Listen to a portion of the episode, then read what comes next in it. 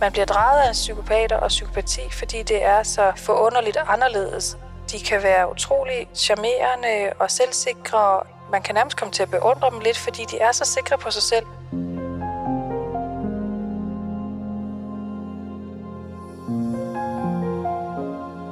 Knap 250.000 danskere er psykopater. De har papir på at have en dyssocial personlighedsstruktur. Ofte bliver de beskrevet som personer uden for rækkevidde og helt anderledes skruet sammen end andre mennesker. Men hvem er de mennesker, der er psykopater? Hvad gemmer der sig bag deres facade? Hvad rummer de? Hvordan manipulerer de? Og hvorfor slår man sig på dem? I denne podcast-serie Spørg Psykopaten går vi helt tæt på dem. Vi taler med to af dem, som har sagt ja til at åbne op for deres inderste tanker og give os et indblik i deres liv. Og så har det indvilliget i at svare på de spørgsmål, som I har sendt til os. I podcasten medvirker også chefpsykolog fra Psykiatrisk Center Sankt Hans, Tine Vøbe. Hun er en af Danmarks førende eksperter i psykopati. Mit navn er Christina Antivakis. Velkommen til Spørg Psykopaten. Velkommen, Sheila og Brian. Vi har jo siddet her et par gange før og talt om jeres personlighedsstruktur. Den er lidt anderledes end de fleste. I er nemlig dyssociale, det vi også kalder for psykopater. Jeg skal lige huske at sige, at Brian er ikke dit rigtige navn. Du er anonym, men jeg kender selvfølgelig din rigtige identitet. I den her episode skal vi tale om, hvorvidt der findes en måde at behandle psykopati på, eller om man bare skal leve med det. Vi skal også tale om, hvad man kan gøre, hvis man er i et forhold med en dyssocial og gerne vil ud af det. Det vil retspsykolog Tine Vøbe fortælle om senere. Og så skal vi selvfølgelig også have fat i bunken af spørgsmål, som lytterne har sendt ind til os. Men inden vi tager fat på, hvad Tine Vøbe kan sige om mulighederne for at behandle psykopati, så skal jeg lige høre jer. Hvis der nu var en mulighed for at slippe af med det, vil I så tage imod den? Nej, jeg vil ikke. Hvorfor? Jeg kan godt lide at være, hvem jeg er og hvad jeg er. Øhm, det kan godt være, at det dyssociale også bliver set negativt på, men jeg synes også, for mig har der været nogle fede ting i det. Altså, jeg synes, det er fedt, at jeg altid har været stedig og stået op for mig selv, og ikke har fundet mig i...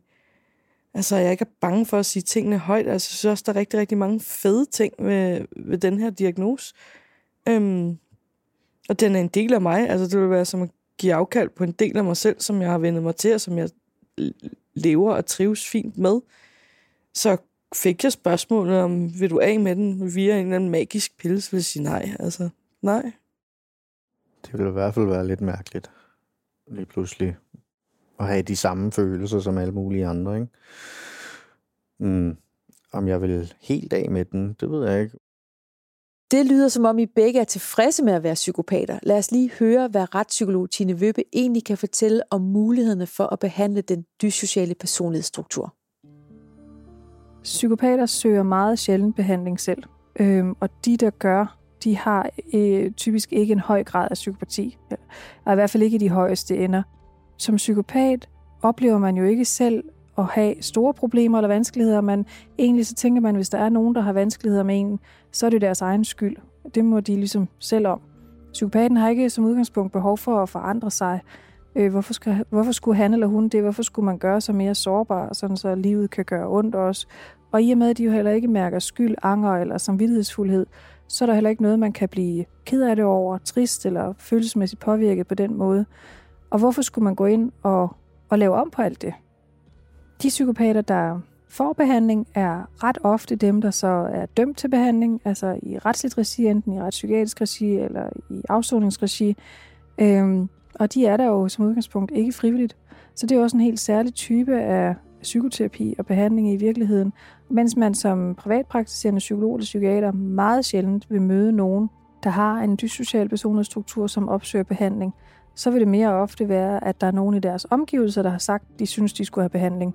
Og så har de gjort det på den foranledning, og så kan man jo stille spørgsmål ved, om de er der for egen vindings skyld, eller for at få nogen få, få, få fred derhjemme, øh, groft sagt. Så, øh, så, så det er typisk sådan i specialiserede regier, man ser det, eller i almen psykiatri med nogen, der så måske ikke har ekstreme grader af psykopati, men dog trods alt kravler op over normalområdet. Du nævner, at de sjældent har lyst til at forandre sig, og sjældent har lyst til at arbejde med deres personlighed. Når du så har en psykopat i behandling, hvordan kan du så arbejde med den person? Jamen altså det, der er vigtigt for psykopaten, er jo ham selv. Eller hende selv. Så det er det udgangspunkt, vi tager. Det kan ikke nytte noget at begynde at snakke om, om øh, empati for andre, eller mentalisering, altså evnen til at sætte sig i andres sted. Det kommer man ingen vegne med.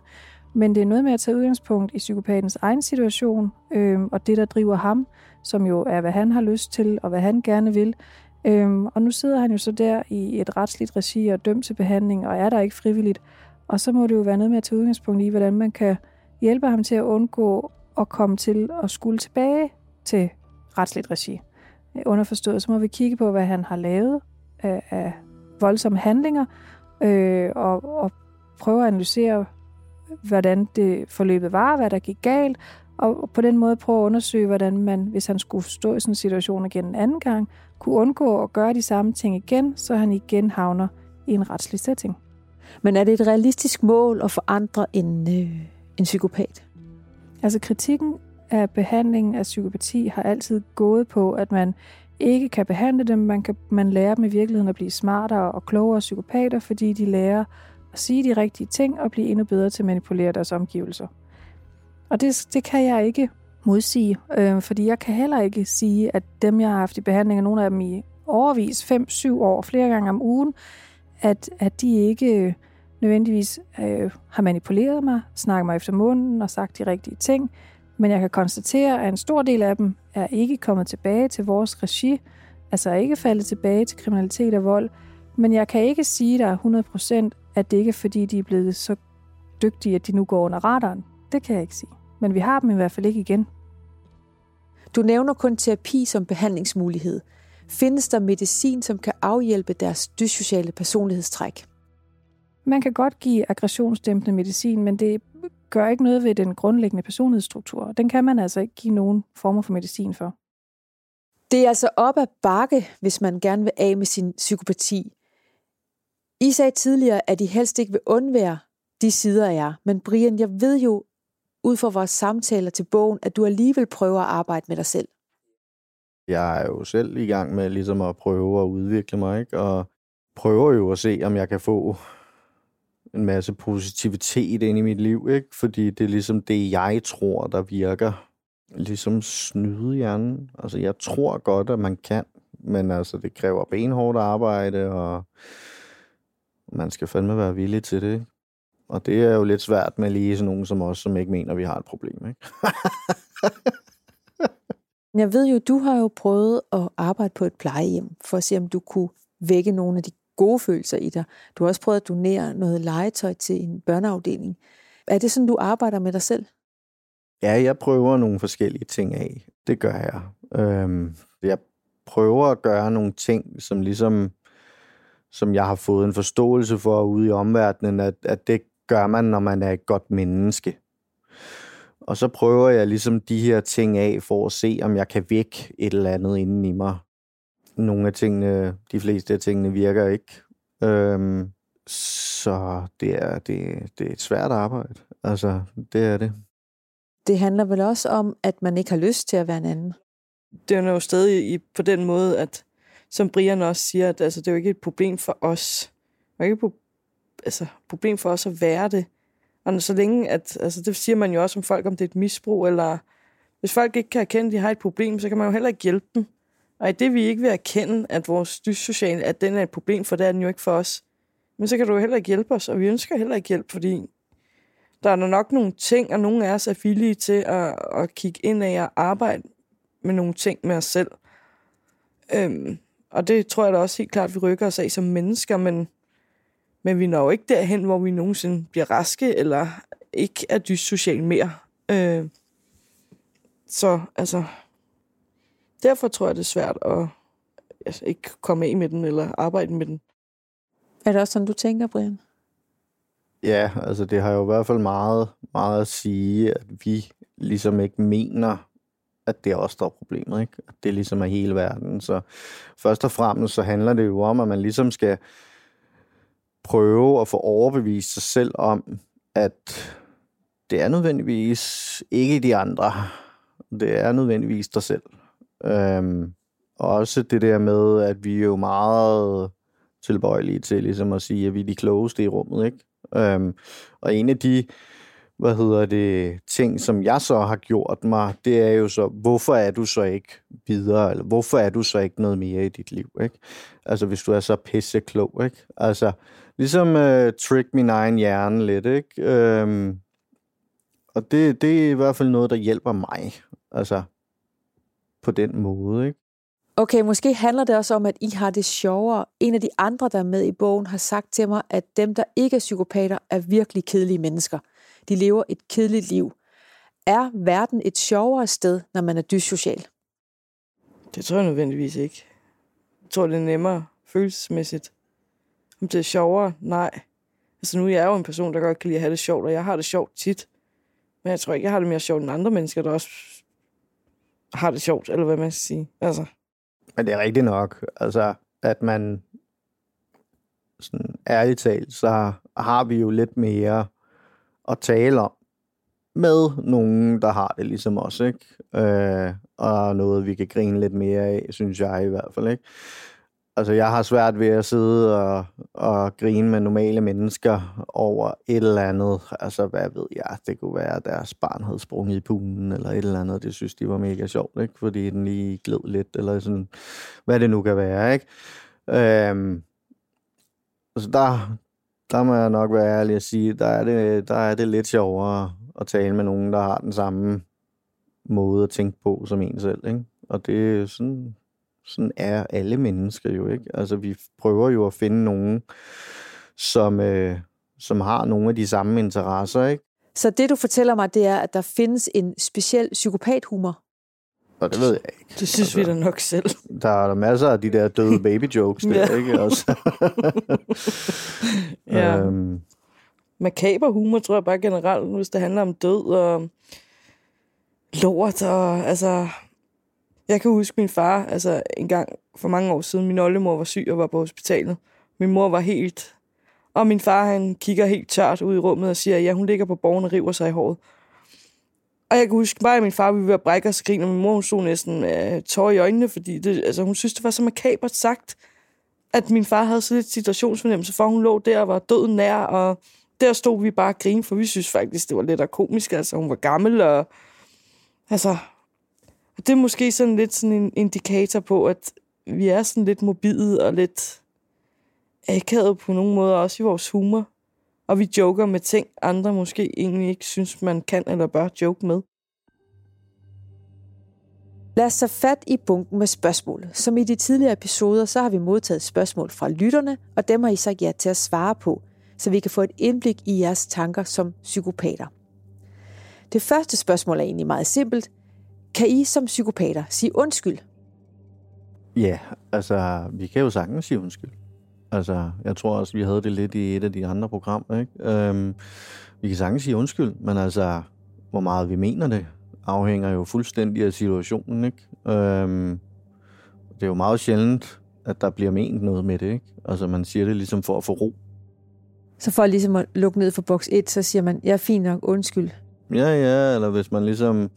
Nu er det jo meget sjældent, vi taber en diskussion jo, ikke? Altså, men altså, når det sker, så er det jo nemt ligesom bare at sige, ah, det, det må du undskylde, det var også min fejl, ikke? Og så føler hun ligesom, hun har fået ret, eller han føler ligesom, han har fået ret, ikke? Og så er det ligesom det. Vi har tidligere talt om, at I har svært ved at føle empati for andre mennesker. Det næste spørgsmål går på, hvordan I så skaber følelsesmæssige bånd til jeres nærmeste relationer. Aner det ikke. Det sker bare. Altså, jeg tror, om du er dyssocial eller ikke dyssocial, så er nogen, du klinger bedre med end andre. Øhm, jeg har jo opdaget, at, at mine veninder, altså de er jo sådan lidt vilde i hovedet, ligesom mig selv. Vi klinger skide fint. Øhm, hvordan vi har skabt en relation, det er nok ved at være vild i hovedet. Øh, med, med ham, jeg ser, er det noget andet. Han er ikke vild i hovedet på samme måde som mig. Han er det modsatte. Der var bare en connection af en eller anden. Måske var det modsætningen, jeg ved det ikke. Jeg tror, vi skaber relationer på samme måde som så mange andre. Altså, det skal fange os, tror jeg. Det skal sige os noget. Jeg har mødt mange mennesker gennem mit liv. Og jeg har også oplevet folk efterfølgende kontakte mig og spørge, skal vi ses til dit, og skal vi ses til datten, hvor jeg kunne mærke, at nej, det skal vi med ikke, du. Øhm, så som man plejer at sige, det, det kræver rigtig, rigtig meget at blive ven med mig, eller have en relation med mig. Du skal med med kæmpe. Og de fleste opgiver jo halvvejs. Altså, de tænker jo måske ligesom jeg gør, at det ikke det er værd. Og det er også værd nok, men jeg tror ikke bare, man lærer os at kende på den måde, at det bliver en del af vores liv. Så det, jeg hører dig sige, det er, at det er egentlig andre, der arbejder for at få en relation til dig. Du arbejder ikke så meget for at få en relation den anden vej. Aldrig. Jeg, øh, jeg er også kendt for i min venindegruppe og i mine kærlighedsrelationer. Jeg tager, rækker aldrig Jeg, skal, jeg tager aldrig kontakt. Jeg skriver aldrig. Jeg ringer aldrig. Øhm, og som jeg plejer at sige, jeg lever så meget op i mit eget hoved, i min egen verden, at dagene går. Jeg tænker ikke over det. Jeg godt nogle gange tænker, at det skulle langt siden, jeg hørte hørt fra. Men derfra til at gribe knoglen og gøre noget, altså, nej. Og det er jo det samme, når det så er en ny relation. Så begynder jeg jo altså ikke lige pludselig på det. Så hvis du vil lære mig at kende, hvis du ønsker, så skal du til noget med at være en genstridig lille øh, flåt, der bare hægter sig fast. Og hvordan er det over i din lejr, Brian? Jeg tror ikke, vi er så anderledes altså lige på det her punkt her, som alle mulige andre. Øhm, det tror jeg faktisk ikke. Altså, det er bare sværere øhm, for os på en eller anden måde. Øhm, problemet lidt for mig, det er, at, at jeg kan godt finde nogle mennesker, men det er ikke særlig mange mennesker, jeg finder interessante. Og hvis jeg finder et menneske interessant, så kan jeg godt finde på at skrive til personen og sige, hey, skal vi lige tage ud og spise? Men hvis det så ikke bliver til noget, okay, fair nok, så er det bare det. Øhm, og problemet er også for mig, at med dem, som jeg har kært, øhm, der kan jeg mærke, at, at mine følelser, som jeg har for dem, altså de forsvinder lige så hurtigt, som de kan komme. Altså, ja, altså, der bliver meget hurtigt lukket ned igen. Og det kan jeg også godt mærke med mine børn, faktisk. At, at følelserne meget hurtigt bliver lukket ned, hvis de nu skulle gøre et eller andet. Altså, det kan være, at de hellere vil være hos deres mor, for eksempel, ikke? Så kan jeg godt mærke, når nu er så pisse af med dig, din lille lorte unge, ikke? Altså, det siger jeg selvfølgelig ikke til dem, vel? Altså, men der bliver bare sådan kottet af på en eller anden måde, ikke? Og er det rart at kunne det, eller kunne du godt tænke dig, at der var en anden måde at føle på? Og det er jo meget rart at kunne det. Altså, så bliver man jo ikke øh, såret, kunne jeg forestille mig. Altså, det er vel en eller anden form for forsvarsmekanisme, ikke? Øhm, men altså, jeg jagter jo lidt den her kærlighed, jo, ikke? Som jeg har gjort det meste af mit liv, ikke? Øhm, og den vil jeg jo gerne ligesom prøve at føle, altså et par imellem, ikke? Altså, jeg kan jo godt være glad for et andet menneske, til en vis grad jo. Øhm, men jeg synes, jeg mangler, jeg mangler noget der, altså, som jeg ikke har. Og det er jo sådan lidt det, jeg prøver at lede efter, og prøver at se, om jeg kan finde frem et eller andet sted.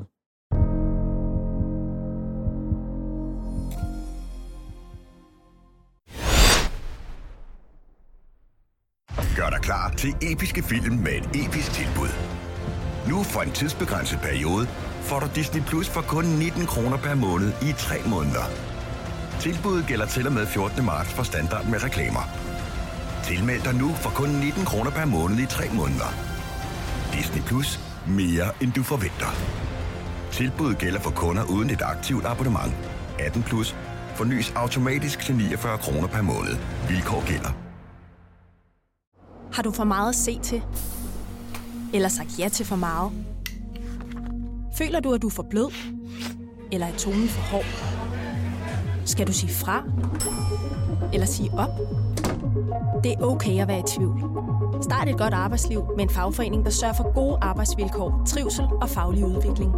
Find den rigtige fagforening på dinfagforening.dk Arbejder du sommetider hjemme? Så er Bog og ID altid en god idé. Du finder alt til hjemmekontoret, og torsdag, fredag og lørdag får du 20% på HP printerpatroner. Vi ses i Bog og ID og på Bog og ID.dk. Harald Nyborg. Altid lave priser. 20 styk, 20 liters affaldsposer kun 3,95. Halvanden heste Stanley kompresser kun 499. Hent vores app med konkurrencer og smarte nye funktioner. Harald Nyborg. 120 år med altid lave priser.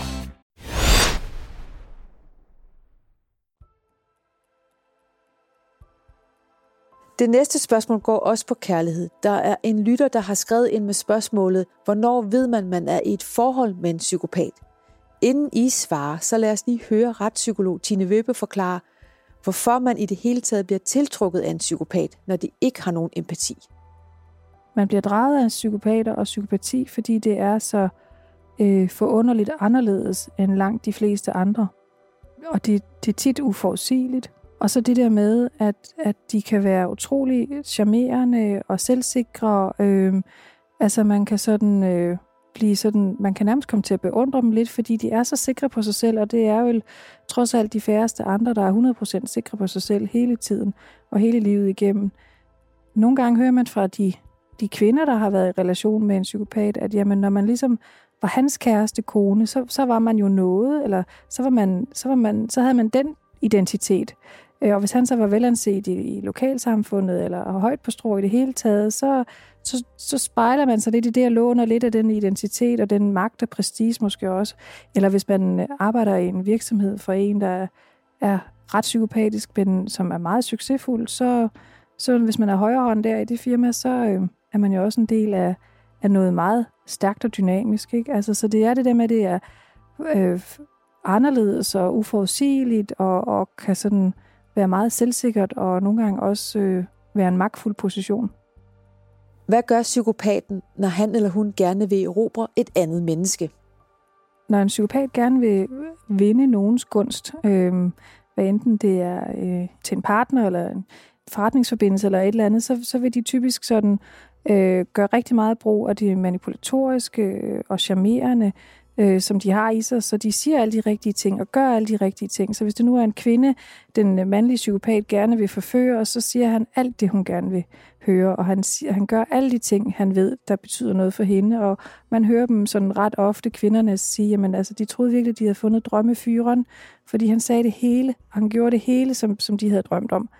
Udfordringen er jo så, at det er en nogle gange en kort frist, en stakket frist, og andre gange var det lidt længere, men på et eller andet tidspunkt, så melder virkeligheden sig.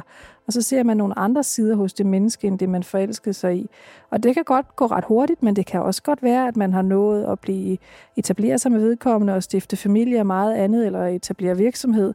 Og det første er et godt stykke hen ad vejen, at man opdager, at der er andre sider til det menneske også. Og når man så opdager det, og det gør man jo, som du selv siger, nogle gange langt hen ad vejen, når man har stiftet familie, man har købt rækkehus med, med, med den her person. Hvad gør man så? Altså, de fleste, der er i parforhold, vil jo forsøge et godt stykke hen ad vejen og få det til at fungere på en eller anden særligt hvis der er børn. Øh, men vil jo også typisk være blevet fortalt igen og igen, at det er hendes skyld, at tingene ikke fungerer. Så der vil også øh, sådan lidt prototypisk være en lang periode, hvor hun tvivler på sig selv og sin egen holdninger, vurderinger, meninger og alt muligt andet, inden at, at bevisbyrden bliver så stor, at hun indser, at det er ikke mig, det er ham, eller det er det, at vi er sammen, der er problemet. Øhm, og selv da vil hun jo have et langt arbejde foran sig med at blive ved med at holde fast i at tro på, at, at hun ikke tager fejl.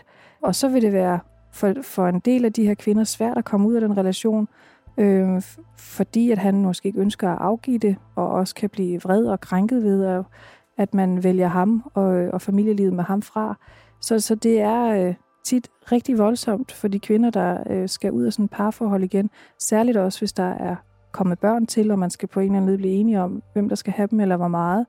Og lige så vel som hvis man har stiftet firma med, eller arbejdet sammen med, og er afhængig af en, der har øh, psykopatiske træk, og man som gerne vil opløse samarbejdet, så kan det blive rigtig voldsomt. Altså ikke nødvendigvis fysisk og voldeligt på den led, men sådan, der vil typisk blive rigtig meget øh, juristeri indover.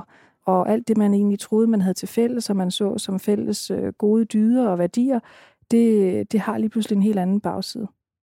Tine Vøbe beskriver altså både den stormende forelskelse, men også hvad der kan gå galt i et forhold med en psykopat. Spørgsmålet fra lytteren gik jo på, hvordan ved man, at man er i forhold med en psykopat? Du ved det, når du ved det. Altså, jeg vil sige at være i forhold. Altså, det har ikke fungeret for mig før i tiden. Det fungerer skide godt med ham, jeg har nu. Vi er ikke i forhold. Men vi er heller ikke, ikke noget, eller hvad man skal sige. Det fungerer for første gang i mit liv, men der er også en, der rummer mig og takler mig og lader mig være, hvem jeg er. Øhm, han havde ikke vidst, han havde, var indgået i en relation med en psykopat, hvis jeg ikke havde fortalt ham det. han havde, synes jeg nok var død i hovedet, var pisseirriterende, skabte mig, drama queen, øh, hvad dårlige labels man kan få efter på sig. Alle de ting havde han da nok tænkt at tænke om mig. Men øh, han havde nok ikke tænkt, hun er psykopat. Jeg tror, det er nemmere at regne ud med mænd, at de er det. Medmindre man er en mand, der selv er det, og kan regne ud, når en kvinde er det. Men jeg tror, det er nemmere at spore en mandlig psykopat, end det er måske at, at lige spotte den kvindelige til at starte med, hvis du indgår i en relation med en, med en kvindelig psykopat. Det kommer snigende, altså, indtil det til sidst eskalerer, og så, tror jeg heller, at kvinderne er så sjove at være sammen med. Tror du, hun har ret i det, Brian? Det er lettere at spotte en, en mandlig psykopat? Ja, det tror jeg. Altså, jeg tror, de mandlige psykopater øh, er lidt hurtigere på deres impulser, øh, end kvinder er. Er du det? Ja, ikke jeg er ikke. Altså, jeg er meget stille og rolig. øhm, jeg har været. Men øh, altså, min kæreste synes jo ikke, jeg er psykopat. Men jeg har sagt til hende, jeg er psykopat. Øhm, og vi joker jo med det nogle gange jo. Altså, sådan, er også bare fordi, du er psykopat jo. Og sådan. Men altså, jeg, jeg, jeg tror, jeg kan tælle på en hånd de øh, skænderier, vi har haft. Og det har ikke engang været skænderier. Det har bare været uoverensstemmelser, ikke? Altså sådan, der er ikke nogen af os, der har stået og råbt af hinanden eller noget som helst. Vel? Men altså, så længe hun gør, hvad du siger. Jamen, altså, jeg prøver jo som sagt ligesom at udvikle mig selv, så jeg prøver jo ligesom også at lytte. Øh, selvom det kan være svært nogle gange, ikke? Øh, men jeg prøver da at lytte, ligesom, det der kan jeg ikke lide. Nå, okay. Hmm. Ja, så må man jo prøve at finde på en eller anden måde, ikke? Øh, men hende, jeg har, hun er også meget large. Så det har jo også noget at sige, men altså, hvordan man, man sådan finder ud af, at man er sammen med en psykopat. Jamen altså, hvis øh, din kæreste lige pludselig begynder at låne penge er der, og ikke betaler dem tilbage, det er i hvert fald et rødt flag, ikke? Øhm, du slår din kærester, så kan det godt være, at du ligesom også skulle tage og pakke, pakke din kuffert, ikke? Altså, lad nu være med at blive i det, for helvede. Altså, helt seriøst.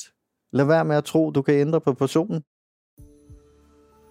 Og det er faktisk det næste spørgsmål, der er en, der gerne vil vide. Hvordan slår jeg op med en psykopat? Du slår op den dyssociale ligeglad. Det er narcissisten, der ikke er ligeglad. Den dyssociale, altså, nu har jeg prøvet begge dele. Jeg har prøvet at være den, der blev droppet. Jeg har prøvet at være den, der droppede. Bliver jeg droppet, så kan jeg love dig for. Bum. Så er det råd i pytbunken, og så er jeg den, der er videre. Jeg gider ikke bruge så meget som to sekunder af mit liv på at Altså, det er jo ikke, fordi nu er den bare død. Jeg kan ikke huske noget fra den tid, eller jeg kan ikke snakke om den her person mere. Men den er død for mig. Jeg vender ikke tilbage. Men øh, også fordi nu er jeg jo også narcissist, og alt efter hvem du rammer på den dag. Jeg har med været totalt syg i hovedet med det der, når det er gået frem og tilbage med forhold. Den ene dag har jeg været sådan, øh, ja, jeg håber, du bliver kørt over en bus. Den næste dag, ej, det må du sgu også undskylde. Og den anden dag, så er der kunne gå 14 dage, så har de kørt noget frem, og så er de lige pludselig, nå, ej, Nå, går det ellers godt, ikke? Altså, jeg har været fuldstændig øh, rundforvirret oven i mit hoved med det der, fordi at, øh, jeg ligesom har haft to personer, der, der gik ind og, og styrede det. Når det er den dyssociale, der har der været lukket. Fuldstændig lukket. Og det er også den, der har overtaget mere og mere igennem årene, lige på det punkt, med at blive slået op med. Den dyssociale reagerer ikke, den narcissisten, der reagerer. Brian Sheila siger, at man bare slår op. Fungerer det også sådan i din lejr? Ja, yeah man slår jo op, som Sheila siger jo. Altså, men igen, altså jeg synes også, ligesom man lige bliver nødt til at lave sit forarbejde lidt først, ikke? Fordi der, vi er jo lidt forskellige jo. Og nu har vi Morten i bogen, ikke? Der er lidt øh, psykopat også, ikke? Ja, det er ham, der stalker. Og... Ja, han stalker nemlig, ikke? Og vil ligesom have de her igen, ikke? Altså man bliver også nødt til ligesom at, at se lidt på, hvem det er, man har med at gøre. Altså, hvordan er den her person her, ikke? Og det bliver man jo også nødt til med alt muligt andet jo. Altså, det kunne lige så godt have været en med borderline. Altså, som også øh, kunne finde på at ødelægge dit liv bagefter, ikke? Nu nævner du egentlig andre medvirkende fra bogen, som vi kalder Morten. Han har været i to lange forhold, og hver gang så er de endt med, at hans kærester har forladt ham, og han i hævn og jalousi har stalket dem, og i sidste ende har planlagt at slå dem ihjel. Heldigvis uden at det lykkedes for ham. Hvordan gør man sit forarbejde godt nok, så man ikke ender i et forhold med en psykopat? Nej, men så må man skulle sætte sig og læse en bog. Altså, helt seriøst. Altså, øh, vi andre, vi skal jo også ligesom øh, lære noget jo. Øh, og det kan man jo ikke, hvis man ikke prøver at uddanne sig selv. Øh, og det kan man jo gøre igennem forelæsninger, eller bøger, eller kurser, eller hvad fanden der nu måtte være. Jeg ved ikke lige, jeg tror ikke lige, der er et kursus, der hedder Kend din psykopat, eller et eller andet, vel? Men, øh, men man bliver ligesom nødt til at finde ud af, hvem man har med at gøre. Og hvis man, altså, hvis man har med en, en, en psykopat, som også at gøre, så er det jo bare ligesom at sige nej. Og så kan det jo godt være, at den her psykopat ligesom vil prøve at bruge sine små tricks på, ligesom at komme ind i varmen igen. Øhm, men der må man ligesom bare være stolfast og ligesom sige, nej, det skal vi ikke. Og har du med en som, øh, som Morten at gøre, så må du nok slå op og flytte til en anden by og ændre navn, eller et eller andet, ikke? Men ja, jeg tror, de fleste af os øh, ikke opfører som Morten. Øh, der er jo selvfølgelig nogen, der gør det. Men altså, det gælder jo bare om ligesom at være stålfast. Altså, jeg, kan, jeg har kun prøvet en, der har slået op med mig, og jeg tror, jeg prøvede en uge eller sådan noget, ligesom at komme lidt ind i varmen igen. Og så da det ikke skete, så var det det. At være stålfast, det var i hvert fald et godt råd. Lad os lige høre, hvad retspsykolog Tine Vøbe har af gode råd til, hvordan man kommer ud af et forhold med en psykopat. Altså, det bedste råd er jo at lade være og indgå i en relation med dem. Og hvis du har indgået en relation, øh, enten det er professionelt eller personligt, og du opdager det, det der på spil, så, så skynd dig at komme ud og komme væk, mens du kan. Og det bliver kun mere problematisk, jo længere inde i relationen man, man, øh, man er. Og særligt problematisk, hvis der er kommet børn til selvfølgelig, og også hvis man har stiftet gæld sammen. Hvis man er i en relation, hvor der er alle de her andre faktorer på spil også, og man vil ud af den, jamen så bliver man nødt til at, at stå fast. Altså når man har taget beslutningen, så er det rigtig vigtigt at stå fast, fordi den der med at gå frem og tilbage, det er i virkeligheden endnu mere nedbrydende for ens selv og for ens eget selvværd, øh, fordi det giver endnu mere tvivl og grobund for tvivl i forhold til, om man har taget den rigtige beslutning eller ej. Øhm, og det vil kun gør det nemmere i virkeligheden for, for psykopaten at få dig til at tvivle på dig selv. Nå, men nu kommer du tilbage igen alligevel. Jeg vidste jo godt, at øh, du indså, at du havde lavet en fejl. Og, altså, så det er noget med så godt man kan at stå fast på den beslutning, man har taget. Stå fast på din beslutning. Det er altså et råd, som både går igen hos jer og Tine Vøbe. Hvis man vil vide mere om psykopater, så kan man læse den bog, vi har skrevet sammen med Tine Vøbe, der hedder De siger, jeg er psykopat. Her medvirker I sammen med fire andre psykopater.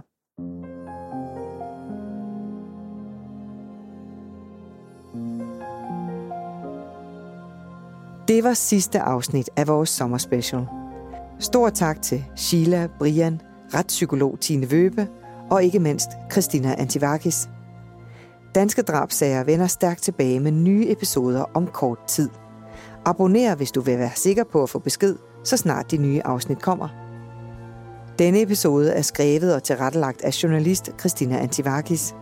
Musik af potmusik.dk Klippet af Rasmus Svinger og produceret af Bauer Media og True Crime Agency.